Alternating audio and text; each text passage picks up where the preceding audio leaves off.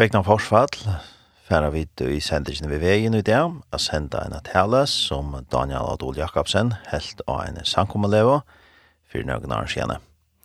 Evne er om talsmannen. Talan er bytt opp i parstar og spalder vira sanger i middelen parstanar.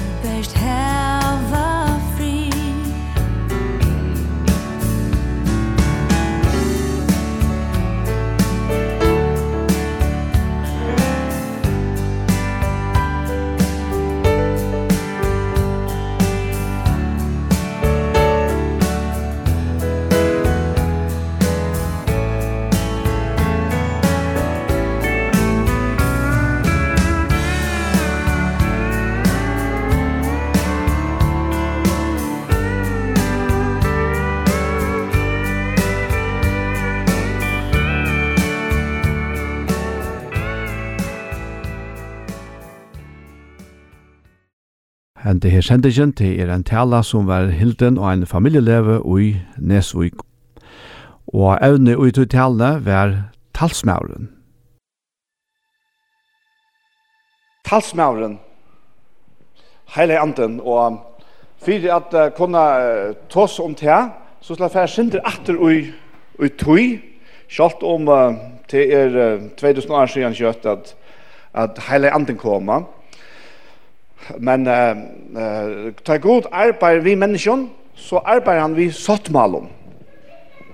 Etla, eisen et annet år er pakt, men det er alltid, vi, vi brukar det år som, som vi brukte i alltid bavn omsetningen, det er sottmal, ja. Vi, I høysheiten så er det den gamle sottmalen og den nødje sottmalen.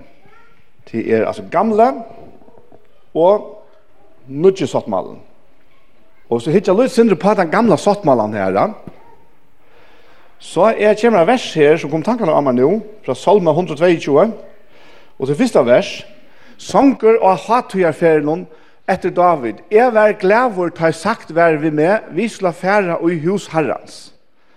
Og hatt her vi øl ofta brukt, og vi brukar det, og det kom det eisen fortsatt vi, til at her, til, til deilig fra møte, ja. Jeg var glad glævor ta sagt vær vi med, vi fra møte, ja. Men uh, det ligger nekka nekk, nekk, nekk, nekk, gypri ui hesten her, enn bæra til. Og tog at ta og det sutja, her stendur sanger og hatujar ferum. Og sanger, salmeren beint fram undan. Det er den salmeren som uh, sier at her er litt i egen mun mot fjöllnum. Kvianna skal hjelp meg komme, og hjelp meg kjem fra herran. Og jeg tar ikke nekk, nekk, nekk, og jeg er tøttene ikke sånn her. Jeg er litt i egen min mot fjøtlen, altså. Akkurat som fjøtlen er så fantastiske. Men uh, så oppdager jeg det at fjøtlene som, som, uh, som David mente vi her, det er trobeleikene. Altså, jeg er ikke mot trobeleikene. Kvene skal hjelpe meg komme. Og det kom til at tog at de får ene fra året, så får det så nekk av Øsres falske som kunde, så får de herfra som de boe, og så gjenker de til Jerusalem. Og det var enda hatt tog er ferien. Man kunne tenke flere det, nekva det. Og det var slett ikke avferlet. Og i fjøtlen, og bare fjøtlen i seg selv, de ombå er vantar og tropleikere. Og tog er det at David sier at jeg er litt i egen måte mot fjøtlen. Hittjas etter tropleikeren. Huff, kvean skal hjelpen komme. Men hjelpen kommer fra herren. Og, og til er så, så kommer det neste salmen her, salm 122. Songer og hatt jeg for etter David, jeg var glæver, eller jeg blei glæver, ta og i sagt vær vi med, vi slår færre i hus herrens. Og hatt det her, vær etter tog gamla sottmalan. Tog her som de boe, ut om og i Østres landet, vær ønsken Guds nærvære. God vær ikke nærværende tjatamon, er det enn bare i Jerusalem. Og tog skapte til henne øyla glede i David at, at vi skal fære her som Guds nærvær er. Og til å være uh, nærmere sagt enn gjørst. Og vi skal fære hitje i Hebreabraun kapittel 9 om Guds hette her fungerer, ja, her som Guds nærvær er være. Som sagt, Guds nærvær var bare i Jerusalem, og han var bare i tempelen. Og, og nå bygger jeg til godt nok på tabernaklet som det er flotte visser i øyemørsene. Men, uh, men prinsippet var akkurat det samme, for bei tabernaklet og for tempelet. Og han sier her, at vårt heie nu eisne hin fyrre sottmalen, altså hin gamle sottmalen, fire kipane skynar, fire gods tjenestene, og jøreska helgedom synum. Tui kjalt var gjørst, hitt fremra, og i tui var ljøsastadjon, til at man kallar for det heilige, båre og synesbreiene, hetta kallast til heilige, i hans sidan, jeg blir ikke forklare det er. Men at han fyrir anna forhengi var kjaldet som kallaist hitt allra heilasta. Og i tøy var røygelses altar av gudle og sottmal ørsten som var klatt vid gudle, öll som hun var, og i henne var gudlkrukka vid manna, stavur aron som blå med hei og sottmala talvernar, altså de tutsi bøyina. De lov vi uja seg her ørstene, innan fire forhengi som leite inn ut av aller heilagsta, altså ut av allar heilagsta, Her var alt var klatt og godle, her var sottmala ørsten, her ui våre, med anna talvna, vi den tutsi bonen, og sier han at iver henne, altså iver sottmala ørstene, våre kurubar durdaren som skukka og iver nægestålen. Men om hetta fer ikkje at tala nu, først fyrir seg, sier han vi er her, sannsynligvis Paulus, og at han hatt vær hetta gjørst, at inn og hit fremra teltet, eller tjaltet, færa prestane alt tog ta etter gjerra tjernast synas, inn og etter heilaja. Her slapp i alle prestane, men ungen annar enn prestane slapp inn og etter heilaja. Så David, da han kom og hans hatt er erferene, så slapp han allikevel ikke helt inn i gos nærvære. Og til å slappe prestene heller ikke. Men uh, til å være en konsentrasjon av Guds nærvære, så det var mest et eller annet, det er opplevende jeg vi har vært her, og jeg bare vite om at her inne er det, Men inn og hitt, altså inn og hitt aller heiligste, fer høvespresteren, eller fer best høvespresteren, og bare eina for om året, og til er ikke åttan blå, og til altså av kreatur som var offreie, som han offrer for seg sjølvan og fire mistøk folksens.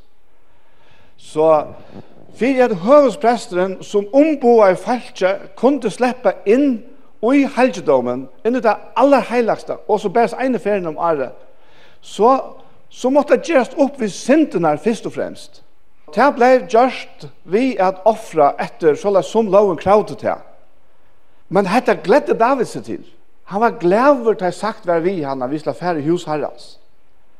Det skapte en voldsomme glede i øynene til at slippe å være nok så tatt på, men ikke helt inn. Og sier han så vi er her, at vi hesson så peikar heile anden av at veveren til helgedomen er ikkje åpenberar enn så lenge som hit fremra kjalte stender. Tøy, sier han, te er uimynd inntil tøyna og nu er, og samsværande tøy vera båren fram begge gaver og offer som tøy ikkje samviskene vi vujande er og ment at gjøre tann fullkomnan og ut under Guds syna. Og hese her tingene som, som er omtale her, det er faktisk det samme tingene som er er lust og jeg ser nødje tøyene, vi tar nødje sottmalene. Men vi helt øre og. Men jeg trykker vi øre og nekv, ganske eisne ting som sitter her, men øre og nekv trykker vi det her var kjent til, og nekv kjenner til stadigvæk hette her at samviskan jeg kan ikke være inna prysa god at du samviskan hun nøyver med. jeg føler meg nå regnan tog at jeg vet hva det har gjort. jeg vet hva det har hukset. jeg vet hva jeg har tås om hin eller og det er forskjellig, ja. og så er det samviskan så tinger hun og så så føler man lagas mer to, to rende i måter da Så la oss være det. Og i to gamle paktene. Veveren var ikke åpen. Tog det fremre kjalte ståen. Og for at høyspresten skulle slippe helt inn, så måtte han som sagt, så måtte han offre. Så måtte syndene holdes fram. Og Hebrea brev lærer åkna lykkevel til at alle de offrene, de millioner av, av, av av blåa som, som flota i kjøkkenen. Kanskje milliarder av litron av, av, av, av blåa som flota i samband vi offertjeneste.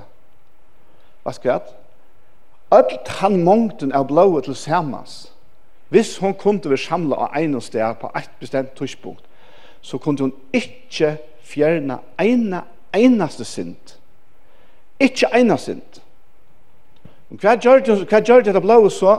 Jo, det bare peikar i oss, det mynti av syndunar. Det mynti av syndene, så at, at folk at alle tøyna skulle genga ui en sånn synda bevusstheit, synda tilvidana. Det er alle tøyna hos som synd. Og at det blåa som tar fleit, det bare mynti av syndene. Men det peikar eisen fram etter måter blå jessar, ja. Og han sier her, men som bæst sammen vi mæti og drekka og imenskun tvotton er holdligar fyrirskipaner og anlagt der inntil tøyen koma få alt rattlega. Så sjål ta ut tøyene, så vær hette her nekka så vær fyrbils, ta vær fyrir av oss tøy, og ta peika i fram i måter til at få alt rattlega. Og det er det som er det fantastiske ututid så sier han her, hva er det som så færdig her i rettelig? Men Kristus kom som høvesprester fire henne kommande gåvån, og han får gjøkken his større og fullkomnere kjalte, som ikke er gjørst ved hånden, til er som ikke er av hesson skapninge, og han får ikke vi blåi av bukken og kalvån, men vi søgn noen ekna blåa, og han får eina fer fyrir allar inn og i helgedommen og vann evja enderløsing. Halleluja! Vi kjenner sovna fra ta Jesus ble krossfester, ta i han og gjør opp andan, eller bant og andan gjør opp andan, så råpar han etter her, etter her råpi her. Ta er fullgjørst, og så gav han opp andan. Og det som så hendte ta, det var at Gud oppheva han gamla sottmalan og sette han nødja sottmalan og gildt i stedet fire. Den gamle gikk ut på, på nøktest, øyla nøktere djøra blåa, som ikke kunne gjøre ved syndene, men han nudja sottmalan. Og i blåa Jesus her, han ganger ut på at han hever ender lost okkom öll men ikkje berre jötar som det eisne var under til gamla sattmannen, men han hever endur lost okkom. Han hever endur lost okkom. Vi søy noen ekna blåa. Og han er gjørst er så fullkomlig offer at det som öll hini offren ikkje klarar jeg. Det hever Jesus her offer gjørst opp eina fer fri atlar. Halleluja. Og her her hever vi talsmannen gjerra. Hette her vi hele andan er gjerne. Man sier vi er her til så satt som blå bukka og tarva og øskan av kvøye, vi at vera slett og henne åregne halgar til utvorstes regnleika. Kvosse menga meir skal ta ikke blå Kristusar, hansara, som vi er vi anda, bær fram seg sjolvan lytaleisan fyrir god, rensa samviskutikkara, fra deion verskom til at tjene henne og livande god, så er han ta mittlem av fyrir nudjan sottmala, så henne er kattla av skulle få hinn evig arv i lova av vær, etter at deie hever åtsa sted til endeløysing fra bråten og under hinn og fyrra sottmalan. Og hesten evig arveren tid, Det er ikke bare noe som bøyer okken tar vi et ene for å fære utrustning hjemme. Ta Jesus kjem atter og forløys okken, etla ta i vite. Ta i vite dødje her, og så flyta vi inn og i til avja. Men arveren tid, ta han avja arveren, han er utløster langt her og nøytid. Og det er det som er så helt utrolig deilig og viktig for okken, at uh, kjenne verleggen av. Og det er det som Bibelen verleggen vil, På den måten blir Bibelen til himmelske konte avrite, som forteller til her og forteller mer at vi har langt finnes den av i arven. Hvor har vi det? Jo, tog, at vi har arva bare Jesus. Og han er deier. Og tog er, er arveren utløster til okko. Jeg mener, så til alle måneder at arva himmelsens kongasån Og så at arvarna gamla kvøy eller tarv eller la bok eller hva det skal være. Tei åtte han kan arv a djeva, tei tei blir slakta i her. Men Jesus kom, og han gav sitt lov fyrir okkom, fyrir a bøtta, fyrir sindra okkara, ta var den ena suyna sætsne, vi er renseie, eina fyr fyrir atlar, vi blau i Jesus her, Her at sett, så fer han til vi vujar, til at vi tosa seg lysen om i jørskvallet etter dette et etter lytla bøyla det av tog, at hvis vi sier at syndaskolden til åkken kan gjerast opp til 100 millioner, så hever Jesus ikke bare betalt til skuldene, og så verska også, nu kan du begynne om at du røyna at uh, halda kontoen av nulla, akkurat som man kjenner til man fell løn, sørste mannen, og så, ah, deilig, så nu er det nekker få kroner til avlåpsa, og Och så man röjna, alltså alle tunna röjna att hålla sig innenfor grensene, så at man inte får allt for nekker minus at det och det alla flesta känner till till att det er så ringt å halda etter det. Men hade bøylet kanskje ikke brukas i samband med Jesus. Så Jesus har ikke bare finns jag kan i ett noll och så vi en liten plussa. Hvis vi kunde ge upp att hamna den. Så är er, är er, akkurat skuld på 100 miljoner hon är erstattet vi 100 milliarder. Det kan du interessant bare sutja månen da. Jeg sa henne for en oppsetting av hvordan jeg 1 milliard er i månen til 1 million. Og det er helt utrolig. Så. Men, men dette kan ikke gjøres opp. Tøy at det virus som Jesus hever givet okken at det fire okker skuld er til å enda litt. Det er ånga grenser. Det er grenselest. Åren er vi til færre og afram vi undervisningen om talsmannen Heile Andan, så færre vi til høyre Alex Berensen, Sintja Sanchen, Løyve, Fær, Vire. Vi til høyre Alex Berensen, Sintja Sanchen, Løyve, Fær, Vire. Og så kommer vi til, til en arven faktisk, som Hebreabrev tåsar om her. Og her er det som Jesus så taler om her. Og han sier her i Johannes 14, fra vers 16, Altså, og jeg skal bia færen, og han skal djeva tikkun annan talsmann at vera tja tikkun allar over, anda sannleikan som heimeren ikkje kan få, tog han ser han ikkje, og kjenner han ikkje, men tid kjenner han, tog han vera tja tikkun, og skal vera ui Eg Jeg skal ikkje leta tikkun færleisar etter, og legg mest av nasta setningen, jeg kommer til tikkara. Og hetta halte jeg ødel forstande at Jesus mener ikkje vi sunne er i atterkom, men at han mener vi at han, vi hele andan og kommer atter til lærersvennerne. Det er altså ikkje bare en tilfeldig ande som kommer, men til Jesus her ekne ande. Jeg lukkar så sier her fire mer, ta Jesus døy av krossnene, så sier han eisen i sin åren her, feir og henter tøyner, djevi er andamun. Og vi sitter i Apostelsøvnet kapitel 2, da Peter forklarer hva det er for fenomen til Heilig andre kom, så sier han om Jesus at etter at han nå er setter høyt, hever han fra feiersøyn og finner andan, heilige andan, som han nå hever uthelt som tid bare sitter høyre. Det vil si at det er en connection i middelen til han andan som Jesus gav opp av Golgata, og som han atter fikk fra fægersøynen, Han gav jo andasøyn til færisøyn. Færen gav han atter til Jesus, ta Jesus var setter høgt, og så uthelte han andasøyn. Halleluja. Og hekk her, vers 16 enda vi sier, men tid kjenner han, altså talsmannen, hele andan, tog han være tjatikkon, og skal være uttikken. Og hvis vi nu hukser om til første som David sier, jeg var glæver, ta jeg sagt vær vi med at vi skulle fære. Vi skulle fære til. Vi skulle fære til husherrens. Så er det en øyelig motsetninger. Så nu er det faktisk husherrens, eller det som bor i husen, som er kommet til okkara. Så lest det at jødene er det, Tar släppa fra affära til Jerusalem. För jag kommer Guds närvaro.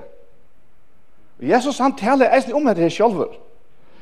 Da han møtte en samverske kvinne, Långt ta breid Jesus grensen. Han burde ikke snakke ved henne. Han burde helst snakke ved oss. Men ferien har lengt siden avgjørst her, at dette frelsesverket som Jesus gjør, det til ikke bare røkket til noe fag men det var til åkken ødla. Så Jesus han breit for sjåd omga grenser, han bare begynte å fullføre, begynte på fullføring av tog som var meningene.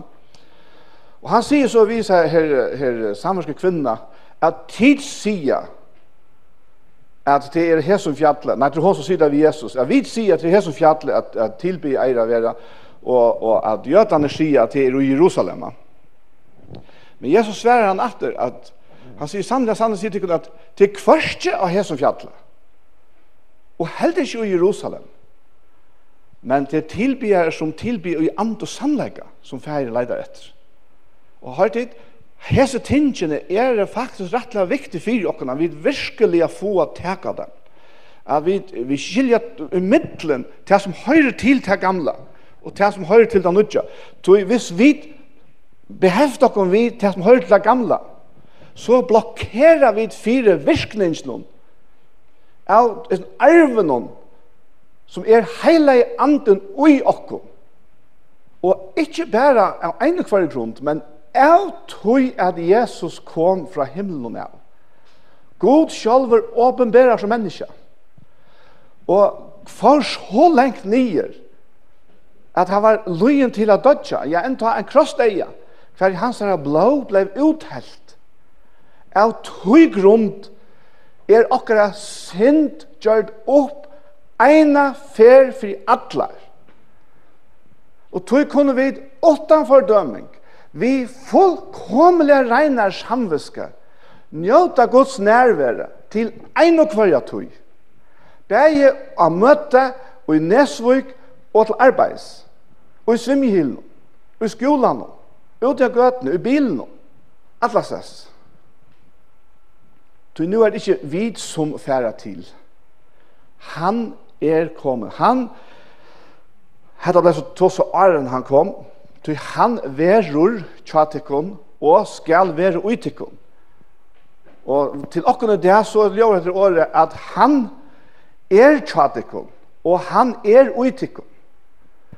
Hatta vær fram til ta, til heile andre vær ikkje uthelteren, og det er dette her nutøy. Hette er halleluja. Og jeg skal ikke lade deg feil, så etter jeg kom slik at Jesus sværa i hånden om nekar, eller lopes nyr her til Judas, ikke Iskar, som spyr om nekar. Jesus sværa i hånden om nekar, elskar meg, heldur han ormot, og feir mun skal elska han, og vi skulle komme til hans herre og tega bostad til honom. Det er jo helt, helt tid, ass. Det er jo færdelig. Og verleis er at det er så størst at vi hava, vi hava verleis problemer vi, vi okkara vit og skil er fæta til. Og det er øyla nek tryggvande mennesker som lever ut tog at jeg, jeg klarer ikke. Jeg, jeg klarer ikke å fæta til, jeg klarer ikke å tega det. Men det er verleis. Og her kunne vi, vi, vi, som vi sier, vi kunne slett ta som milliarder. Så dette viri her, hever så fætelig nek større virri, en nekra, nekra vir her a gjør kan, kan, kan symbolisera. Hette ta vire som vi hava finnje, som to eier, som er eier, som ein og hver av okken hever finnje. Halleluja. Og kanskje lukka ikke du i alle stås, så øyne nekkom til, men, men uh, bare for lukka peik og til, ja, men hvordan så, ja, jeg kjer jo feil, og, og, og, og jeg er ikke fullkomna. Nei, jeg er ikke menneska fullkomna. Ikke ett menneske søgjene Jesus er vi totalt fullkomne. Helt ikke at han hadde kommet til trygva Jesus. Ikke ett tid. Ikke Billy Graham, ikke Reinar Bonke, ikke Paulus. Ikke ett menneske. Og i seg selv Men öll mennesker er fullkommen ui Kristus. Og til tog det er bare så viktig for at, for at tryggven og det skal være bygd opp at vi prædikar det her tid. At vi ganger ut fra hesten her, det okra grundarlega. Hette det som er frelster på, hette det som gjør til at jeg eier han evige arven og kan bruke han det og daglig? Og ikke til at, oh, nå stekker jeg da. Så nå er jeg forheng her, til jeg har ringa samviske. Det er bare blokkerer. Så langt som vi henger først til, så kommer det omgang ved. Men vi alle suttja Det er fullkomne offre for okkum. Ja, jeg vet, jeg har gjort feiler. Jeg har gjort nekva feil. Jeg har alltid gjort feil. Men jeg synes det her fullkomne offre. Og tog støye fram. Og jeg er inne i uihesni her. Jeg Av i arvnum. Og jeg flyt meg og beveger meg ut høy. Halleluja. Hette ikkje matadorpengar tid.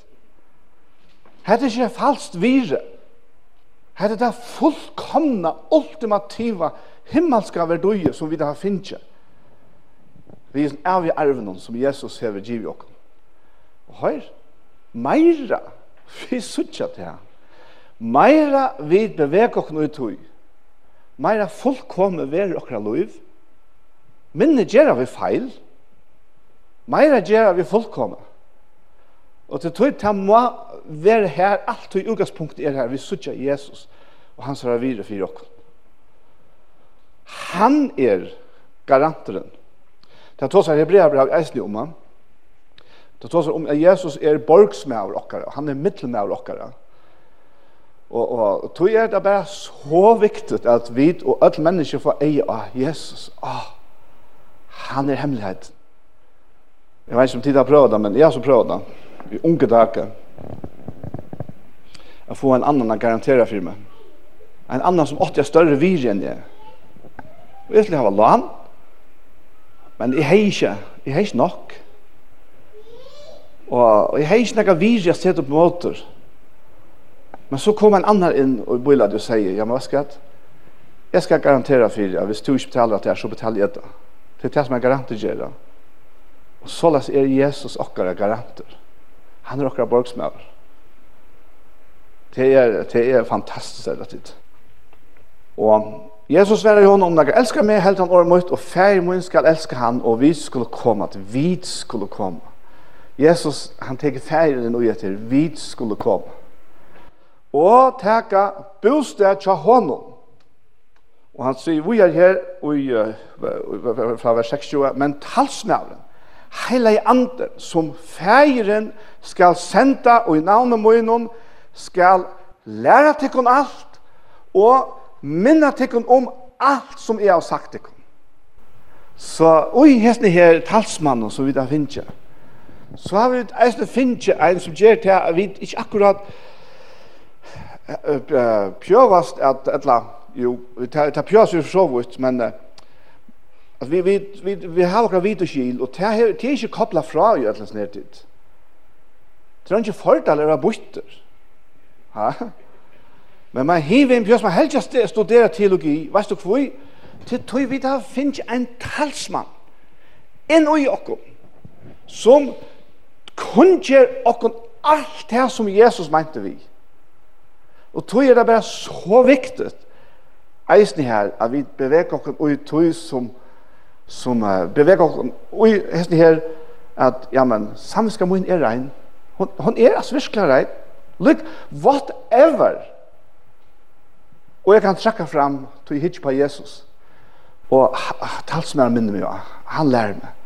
Han leder opp for meg. Han viser meg så, så det er ikke til helter at man bare ignorerer sånne feiler du kan bare konstatera ok at her hadde det ikke godt Og det er helt ikke til at man bare feier det under gulvteppet.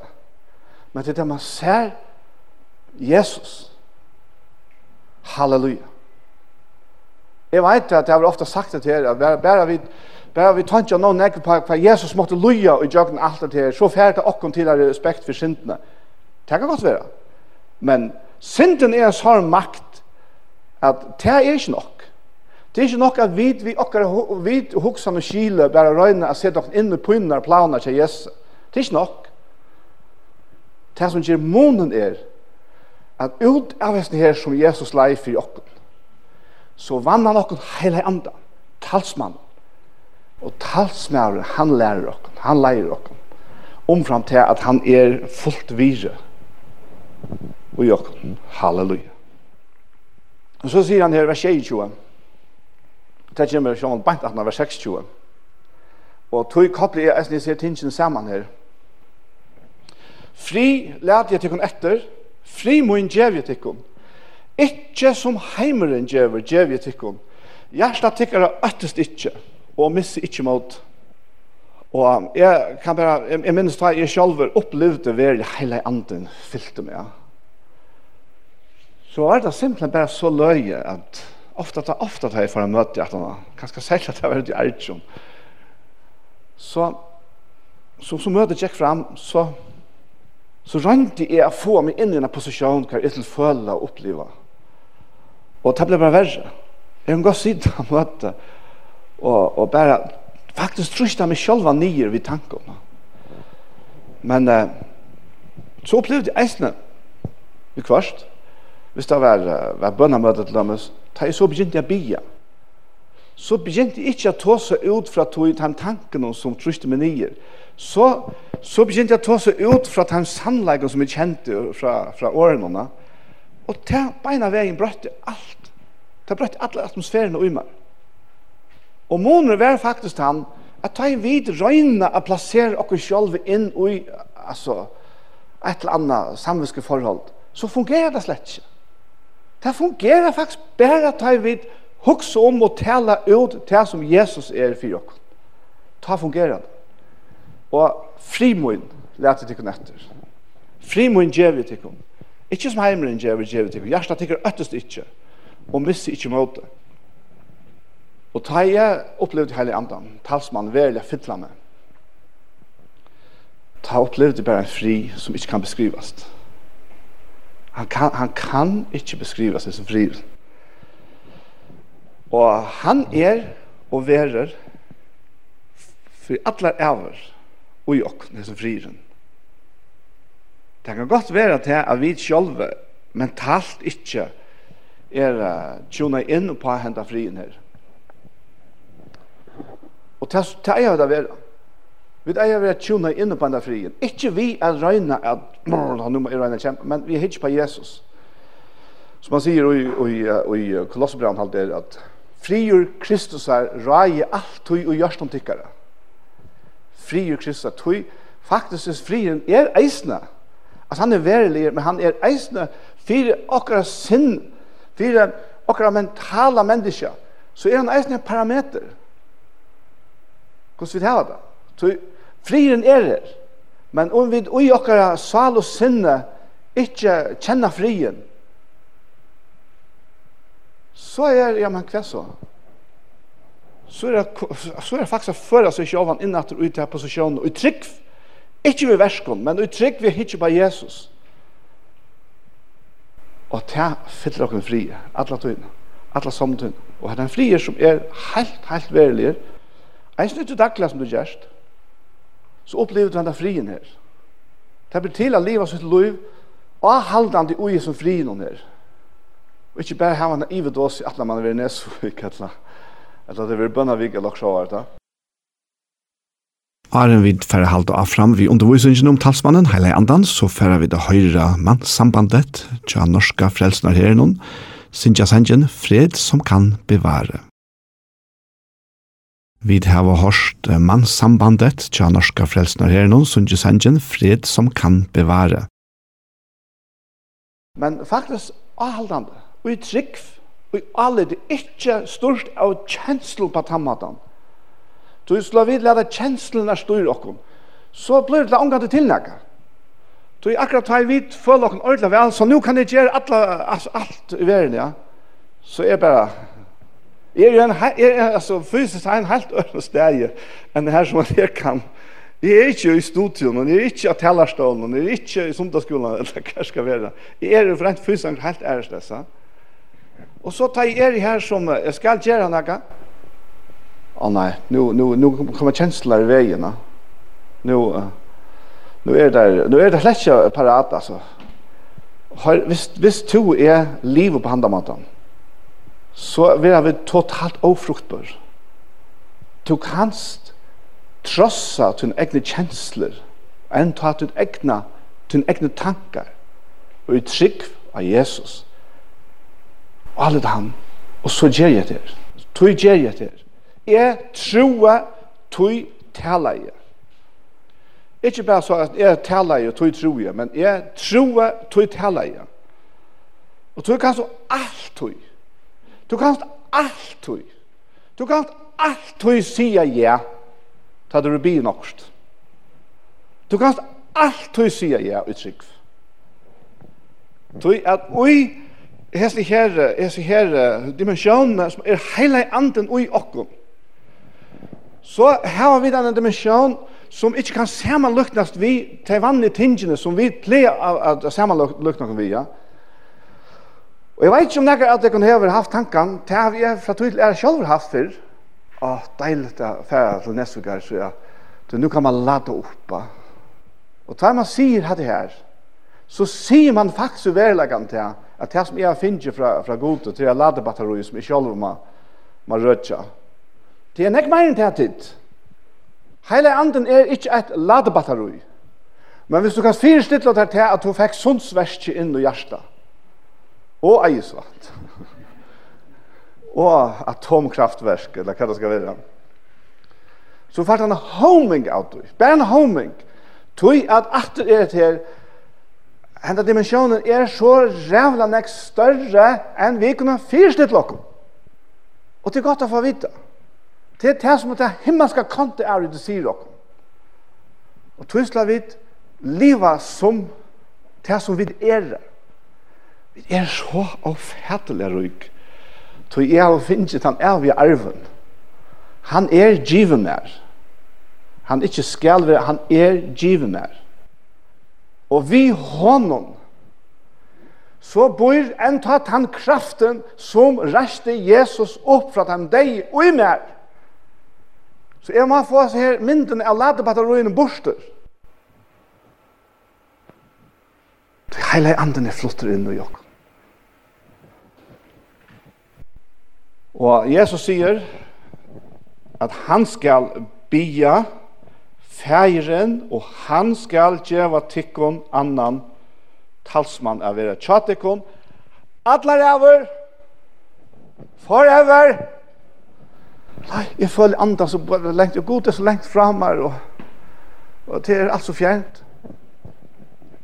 Så skal du spyrja til sjálvan. Hva passar? Passar til som Guds år sier, at Jesus hever bygge feiren, og han hever givet okkon talsmannen, som skal være tjåkon allar over. Jeg mener, det er hjelper dere virkelig at uh, hvis vi fer i oss, så at jeg kan komme over litt fremme og hitje etter hvordan jeg vil eie. Talsmannen mestjer rådgjøve, hjelpare, ein og bygge fire, advokater, styrkjare, en som er standby. Og her, her hadde jeg bare uttrykk for å forklare hva du er året som er brukt fire talsmannen mestjer. Talsmannen selv er så utrolig nek mer enn at det er. Men eh, eh, månen mittelen til dømes rådgjeva og, og advokater er rettelig store her. Og her er uh, ta, ta griske året for rådgiver eiter parakleto, eller parakletos, ja? og ta ble sagt om en person som fyllde vitt her inn til døms og gjerne rettar men han gjør det ikke som advokateren, han tog seg ikke fire det, men han sier til her hva du skulle si. Og det er faktisk meira mynden av talsmannen og i okken det er ikke så at tar vi leder munnen opp, så, så blir det knappt å begynne andre å tåse ut fra åkene. Det kan det godt være at det er et eller andre på spill. Ta kun teir råpa og brøla og gnusta ut og jagne mennesker. Det gjør heile anden alt. Heile anden, han brukar okkom. Han brukar mitt sinne, mitt vit, min anda, mina sal, og han brukar mina tunga. Han brukar mina hender. Han brukar mitt lika. Det er faktisk øyla viktig å vite. Jeg vet at det er, det er øyla nek som har sitt, eller sitter fast ut det samme som jeg då. jeg hukser om andras dåp og andras kraft det. Det var at at jeg skulle være komplett passiver, og så skulle akkurat måste hente. Det hendte omgang til. Og ta i det hända. ta det min tunga, ta det jeg som sier, taler i årene ut i tunga, og ta det enn, Og du nytter ikke bare boja inntil det ene for kjemmer en sånn øyla mystisk fornemmelse som kanskje er som et et ivet trykk av omkring slet nu opplever man også herlig, nu er det en banke her eller hva det er og så skal det lukka som djeva lest her Talsmann er ute alltid og til døms at, at, at uh, bi i tunga kan du gjøre en hver jeg tog og det er godt å gjøre det er fantastisk det jeg kan slett ikke unnvære det Akkurat hina nøygavnar er som anden vila. Ta i tøyen er inne, han sier at nu er bruk for hæsson, så djever han nøygavar til imesta, men at han kommunikerer i andan hon. Det ikke i klokken sjálf. Hvordan er det at han er vil bia i andan Og det er bia tunken. Så, så eisen her kunne vi bare, bare, vi kunne bare boja etter okkur sjálfum faktisk. Vi prøver ikke bo hos honom, til han er alt hatt høyna. Men vi har brukt noen bilder til fyrir, at det er, altså, jeg er ferdig, så jeg skal få meg glas av vattnet, så ferdig ikke ut til kranen og bo inn til fra sjolver. Nå håper jeg han fyrirfra. Ja, han bo i tvær timer, nå må han ferdig fra. Men jeg er ferdig ut til kranen, og så skru ifra. Altså, jeg leter opp fire kjeldene som flytter. Og så dretter jeg. Det er det samme hele andre antid. Og tog eier vi eisen er vært du som gjør til at vi atlastes. Alt tog kunne kommunikere vi færen andan. Og, og det er endelig ikke mye, men det er ikke bare i tungene vi kommunikerer. Vi heilig andan. Jeg, er en person som jeg kjenner her i forrige, som er faktisk den personen som, som jeg kjenner, som er den som kommunikerer bare best og mest i heilig andan. Og han tar seg ikke tungene. Man opplever det og daglig hvordan hele andre leier han fra en av situasjonen han er. Halleluja. Så jeg mener, det er plutselig helt noen omkyldning. Og vi tar hva Steinbjørn her, vi tar hva Niklas her, noen andre kjømmer her. Det er avskårende fra møten, viker og manner. Og det er forferdelig synd til dem hvis det var den gamle sottmannen som var galt han stadig vekk. Men det er forresten et som er sint i åkken til at vi er så lengt fra Jerusalem. det er jo rett dårst, ja. Det er vi er nødt til å arbeide for hver annan og på skift for å ned til Jerusalem. Men jeg tror at dette her er en talsmann. han er ui åkken, han er tjåkken. Alt hui og alle steg. Det er ikke vi som fært hans, her. han er kom lokkere. Halleluja. Og at her som talsmæren gjør, talsmæren heilig andre, han lærer okken alt, han minner okken om alt som Jesus har sagt, og frilader tikkun fri må gjør vi tikkun. Oppsummere, jeg ser tingene her som vi da var i jøkkenen. Så det synes versen her fra Efsos, kapittel 1. Og i hånden, altså, og i Jesus, her var eisende tid, ta ui tid, hørte år sannleikans, evangeliet, glede i bådskapen om frelsetikkere, ja, og i hånden heva eisende tid, ta og i tid var kommet til trygg, finnje til innsikle. Heile andan som lov av er. Han som er panteren om arv okkara, at oknar folk hansara skal være endeløst, dyrt hansara til prus. Så, så det her vi talsmannen, jeg tar ikke bare noen ting fram her i morgen, det her er, det er lengt fra allt som kan sägas om talsmannen om hela andan. Det det är ja. Men men här är några grundläggande ting som Bibeln lär oss. Och Efesus lär oss till att vi som är kommit sig, vi är insikla i vi hela andan. Och typ alltså Jag sier, man skal ikke være nøkter utan man kjenner heilig andan som er verlegg i sin liv. Kvosse Det kan ikke bestemme hvordan du skal oppleve det, hvordan du føler det, hvordan du kjenner, hvordan han taler til tøyen. Men uh, jeg kan så bare si ut fra min egen erfaring at det er en øyne måneder da at kjenne hele andan og ikke kjenne han. En helt, helt øyne måneder. Og at det er på en måte en sånn underlig slutt av ringer, altså. Hver og hver vi ikke kunne kjenne han uten at han hjelper oss. Men vi må kjenne han for at oppleve han og kjenne oss veldig effekten av han. Og her er vi kommet til den sørste parsten av undervisningene om talsmannen, Heile Andan, for å høre Brown Bannister og Kelly Willard ved Sanction Jacket Green, There is a Redeemer. Vi tar det her Brown Bannister and Kelly Willard ved Sanction Jacket Green, There is a Redeemer. Og vi er kommet til sista parsten av undervisningen om talsmannen, heile Andan. Og det er, det er ikke bare spørsmål om kjensler, men det er det eisende. Så vi er ikke robotar, vi er mennesker. Men kjenslelige er vi øyelige, øyelige imest utstort. Helt, helt øyelige mersle som at det fungerer på imeska måter. Det, det er viktig faktisk at vi ikke røyner at pressa hver annan inn i en bestemt form, men at vi sjálva personliga kommer kjenne heilig andan og i okra liv og du kjenner han såleis som god til å skruva til saman. Og jeg kjenner han virk mer såleis som er skruva saman. Vi kunne faktisk ikke samanlukt noen vi kvann annan på tammatana så igjen jeg kommer kjenne heilig andan så har vi eh, altså, så heter det faktisk eksplodera innan umar vi mental og myndon ikke vi sjånon som åndersutja som vi har den profeten som var uh, sørste weekend i Filadelfia. regulært ser, han sa, han først hørte Jesus geng utenfor, og han tenkte hver her, og han har hørt om at tjauer var i nablanen her, så. Men Arne fikk tog i huxa så stendte Jesus for vindan, og badje seg inn i vindan, og begynner å tossa vi henne. Og det første som hender er at ut ur munnen Jesus her kommer et lysande skudj. han har sett det var rett, Og hette skudje byrja jeg først å tale til hans. Og så, og alt rommet var fyllt av hans her skudje Og så fra munnen Jesus her, så begynte jeg å tale. Jeg har aldri opplevd det her. Jeg har aldri opplevd noe som grenser til hatt det her helt. Og det er faktisk øyne sant og hørst hvis det er noe som hever opplevd hatt det så konkret på handamattene. Men jeg kan ikke forbruke det her siden, nå, er det så ja, men på handamattene, jeg har ikke opplevd noe, men så har vi nok ikke ferdig hele andre. Så på tamma kunne vi slett kjama lukt nokon.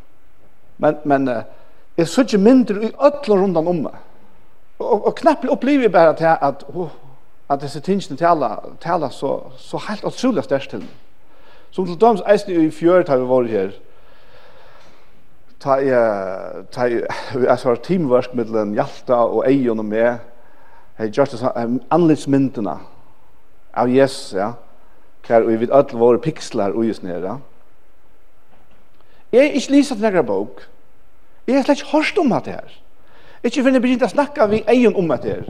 Og han får snakke vi sine kollegaer. Så var det en som sier, forresten, jeg ser en mynd av George Bush som sett sammen av Ødlandheimen Hermann som deier i Irak. Og jeg har sett den mynden nesten. Men jeg har ikke hørst om det her. Men tanken kom, og han kom fra hele andan. Og så fungerer det ikke mer. Og det kommer øyla vel vi, og i tog tjeneste som vi har Og mennesker som ikke skiljer det her, de halda til at vi har vært rævlig strøy av ødlens nær. Men vi tar oss ut fra hjertet, fra hjertet til hjertet. Til ut fra hjertet kommer hele andre. Men det betyr ikke til at, at vi er koblet fra. Slett i høver ikke. Det betyr bare til at kjeltan til mot vidt ta i tjene og gjøre hendinger eller tåsøk og sår til hele andre. Så du hever tilgångt til Guds sannleggar på tvær matar, og sjåvand er det nei til å bruke boar. Den ene er at du studerar og granskar, men det er seg sjåvand for ångan vi. Du kan saktans være teolog, utan i heila tidsje av å fatter nudj, ikke ha lot i hele andan. Og du kan saktans ikke du at lesa, det er rett og slett nekk tryggvande mennesker i heimen det er som ikke du har lesa men de kjenner talsmannen, hele andan, som er verileg i sin liv. Og så har vi disse kombinasjonen av at vi har godt skriva i år, og vi leser det, vi tidsjer det, vi gransker det, og hele anden leder opp, hele anden gjør dere, åpenberinger, og han leder opp. Hvor er så en hatt? Vi er altså innsiklet vi hele andans lov av vær, og han er Panteren om arv okkara er at oknar folk, hans skal være endelåst, dyrt er til brus.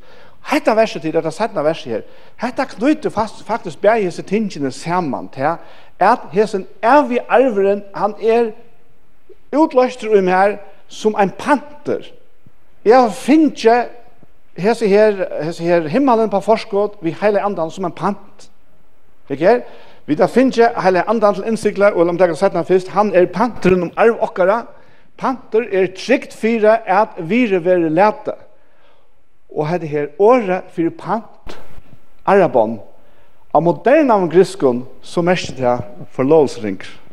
Så heile anden tid, han er okkara forlovsringer til brukaren som er i himmelen. Halleluja! Halleluja! Så det er en fantastisk ringer i. Og panteren, det stender i Jesus kapittel 1, og Arjen, Arjen sier versen her, at, at Gud, han får samla alt saman til eit at. Det vil faktisk si at han får teka hele anden av at gjørende. Men han som hever panten, han slipper ikke undan av fylgja vi. Hever to hele anden som pant, og Gud vil hava panten at han slipper ikke undan av teka til vi.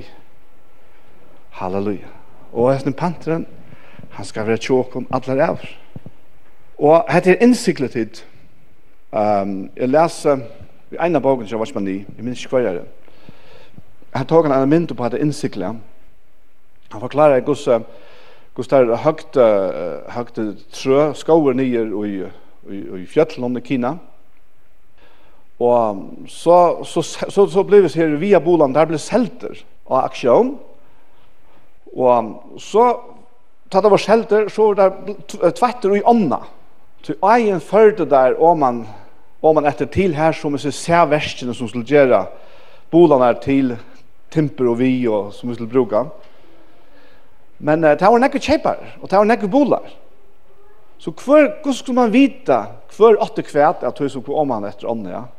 Jo, sier han, det er brukt innsiklet. Så, så hver som en har kjøpt en bol, så tok han en gløhande jaden ved en innsikle som var hans spesielle, og så brende han det i bolene. Og ta og i, hette her kom holter til bolter om han gjør ånda, så hukte han bare til bolen som hadde hans her mestja. Hina lette han færa vier. Og så tok han terfra, der som hadde hans her innsikle. Og det er det samme ditt. Ta Jesus kommer etter, så kommer han etter time som har innsikle, som er innsikle vi hele andan. Og vi vil ha tidsen inn og han er vi arven. Kan alt er komplett. Kan det ikke bare er en panter nå. Selv om panteren er, han er til sanna og men tar vi det fullkomne. Tar vi det fullkomne arven. Tar vi, en, tar vi det endeløst. Han sier det her, Esnia. Han sier han i vers 14, som er panteren om arv okkara, at okna folk hansara skal være endeløst. Dord hansara til brus. Og hende endeløsningen, det er endeløsning likamsokkere. Ta vi få et nytt, et dyrtar likam. Halleluja. Åh, glemme. Ta kan vi alla sessen, nu kan være ene sessen. Vi kan bare være i Nesvik, etla og i Føyngar ja. Etla heima i hus. Men kan bare være ene sen. Men tar akkurat lika var endelast, så er det nødvendig dimensjon inn i bøyladen som vi tar liv i alle æver. Og anna om målag. Halleluja. Prøys av Jesu navn. Så slutter vi ned. Efesus, kapittel 2. Og det er en fantastisk kapittel i seg selv. Hatt her forresten, hatt her, hatt her lærer Randolph, han fortalte om hvordan han var en, en, en, en gammal godsmæver som var en ordentlig profeter som var som, som hette tid han og ærer tilsøgn som han så drog oppa og så var en lærer kom til hans her og sagt vi han at ja, mitt andre hei er gamle han er ved i en prosess han er blinder. Han er blinder i flere år og herren gav og sjån og gav han profetiska tannast ja. og i disse periodene kan han er blinder og skulle prætka så han nødt til å lære seg Bibelen utanat. Så konan les, og han memorerer alla, han tog alla Bibelen utanat. Det er fantastisk. Og konan hon lærte at samme eisen, ja. Så kommer jeg til lærer til hans enn affær og sier, kanskje ikke bia firma til jeg har en troplag av tog og tog. Nei, jeg bia ikke fyrir deg. Du skal være heim, og du skal ikke komme atter fyrir du doer Efesos 2 utanat. Og han får seg heim, og han terspa i en heila vike. Så tog han Jesus tvei utan etan. Og så kom han atter til den gamla. Så sier den gamle vi «Nå, skal jeg be for deg? Nei, det er pjøst ikke. Hatt han veldig hemmelighet dit. Og hatt han altså Jesus 2. Vi kan lese herfra, men godt takk fra vers 14, Tui han, Jesus, er frir okkara, han som gjør det eit av bavon og brei nye middelengaren og skilte sunder, futjenskapen, ta han i holdesøgnen, tog bostur bålåna og fire kipan hennara, altså den gamla sattmann som det tås om, Fyre at han og sær kunde skapa av bavonas til å si bæg av jøtenon som var under gamla sottmannen og av hedningenon. Eit nytt menneske og så lest fri. Og fyre at han vid krossen hon kunde ene likame få av boar parster sottar vi god vi til at han vi hånda, altså vi krossen og drep futjenskapen. Han kom og kun gjør det tikk og fri som lengt borte våre og teim og fri som nærvåre. Toi vi hånda heva vid bare parster og i einon anda etgang til feiren. Tid er tog ikkje langer fremmant og utlendingar. Nei, tid er samborgar hina heilagra og husfalk gods. Tid som oppbyggt er av grunnvødle apostlana, og profetene og hoppesteineren er Kristus Jesus sjølver. Og i hånden ver alle bygninger. Hvor bygninger? Samanbunden og vekser til heilat tempel i herren. Ok, altså det er nytt tempel. Og i hånden ver eisen tid bygd opp vi hinnom til bostad Guds i andan. Halleluja. Jeg var glad for det, at jeg sagt hva vi med. Vi slår færre til husherrens. Vi er husherrens. Vi vil ha bygd opp til å være husherrens. Vi vil ha bygd opp til å være bostad og gods i andan. Hetta sier at det himmelska kont av litt. Til dette sier, og nekvat rett. Halleluja. Halleluja. Halleluja. Å, halleluja, Herre Jesus. Vi tilber deg, vi er til, Herre. Vi takker til, Herre. Herre, vi pryser deg for, Herre. Herre, du er god, Herre, som er åtømmende, Herre, som er fullkommen, som hever det evige vire, Herre. Halleluja, Herre, vi pryser deg, vi er til, Herre. Herre, vi takker deg for at vi slipper fra at slanges og sløes rundt som et Følgna blæ som bare fyker för vinden om herre. Halleluja, herre, vi pryser deg för herre. Vi er steinar og Jesus. Nå er vi av tempelen om herre. Halleluja, Jesus. Takk for at vi slipper fra at færre tilnægger seg for å oppleve dine nærvig herre. Du er borst og jokner. Men det er bare så underfullt, herre. Da vi kommer sammen som livande steinar, herre. Som tempel tøyt, herre. Og vi kjenner bare Herre, og sånn at dimensjonen Herre av andre tøynen bare, hun bare, hun ekspanderer og teker til, som bare fikk henne fruast der og gledast der. Halleluja, Herre. Da vi kjenner det her, at det er djup råber til djup, Herre. Halle, andre tøyen bor i okken. Han er ui okken, og han er tjo okken. Halleluja. Takk for at vi er knytt sammen vi er underfotla heilig andas banden om Herre. Halleluja. Takk, Jesus. Ja, hva sier Jon? Jag tänker man kan ju visst ner vid kontra det den. Jag tror jag går bilder. Man hickar kontra det så säger man, åh, jag har ju brukt så länge pengar så det är den eller den mannen. Men det är att du himla ska kontra vid någon så at det så sier Jesus vekk du kan ta det, hvor har du ikke brukt mer, Eion? Alltså här här det var det så så här sprunches alltså Bruka mer nu. Come on alltså. Ja, fan vi investera. Amen. Han har gå. til nemlig hva det blockna til till alt att bruka. Och vi kan angans bruka det upp. Faktiskt så växte det att bruka. Hetta vær så til som er kjent at Herren har lagt av mot hjärta til at undervisa av familieleden Jokken som var i Nesvig den 13. oktober 2021. Og som jeg har kjent til til eisen er lota vi tikkun, mine lortare. Og men sjálvan det hette evne er så omedelig størst. Det hette her er, som jeg sier Janne, det som jeg kjente medleitan til av herran, at lota hesefer Og Men uh, det som er betydning til er at vi vil trykker Jesus, så har vi finnje talsmann heile andan, for eneste ein som tror av Jesus. Og det er løyve fra gode sjølven som vi da finnje, og som vi kan kjenne og live og oppleve her og nå. Og det er best vi trygg av Jesus Kristus, at heile andan teker bostad og i menneskegjørsten. Så god var sikten til, vi får enda hese sending, vi en kjent om verste tja, tja Hendel, det er, er ur Hendels Messias, og det er unto us a child is born. Det er ganske et uh, stikje som vi ofta har brukt i samband vi, uh, vi jólene, men lukka mykje så er sannleggen om det som hendte i jolen ta, og i hesten sånne var givet okkon, Og som det var sagt om han, han skal være, være, være, være kattlet over veldig god, avgjør feir, friar høvdinge, underfotler, rådgjevare. Og det er alt oppfyllt okkon vi talsmannen, heile andan som er given okkon av sonnen, som fra feiren fekk andan som lovar vær. Som sagt, så for enda vi, fra Hendels Messias, unto us, a child is born. Takk for Jesper.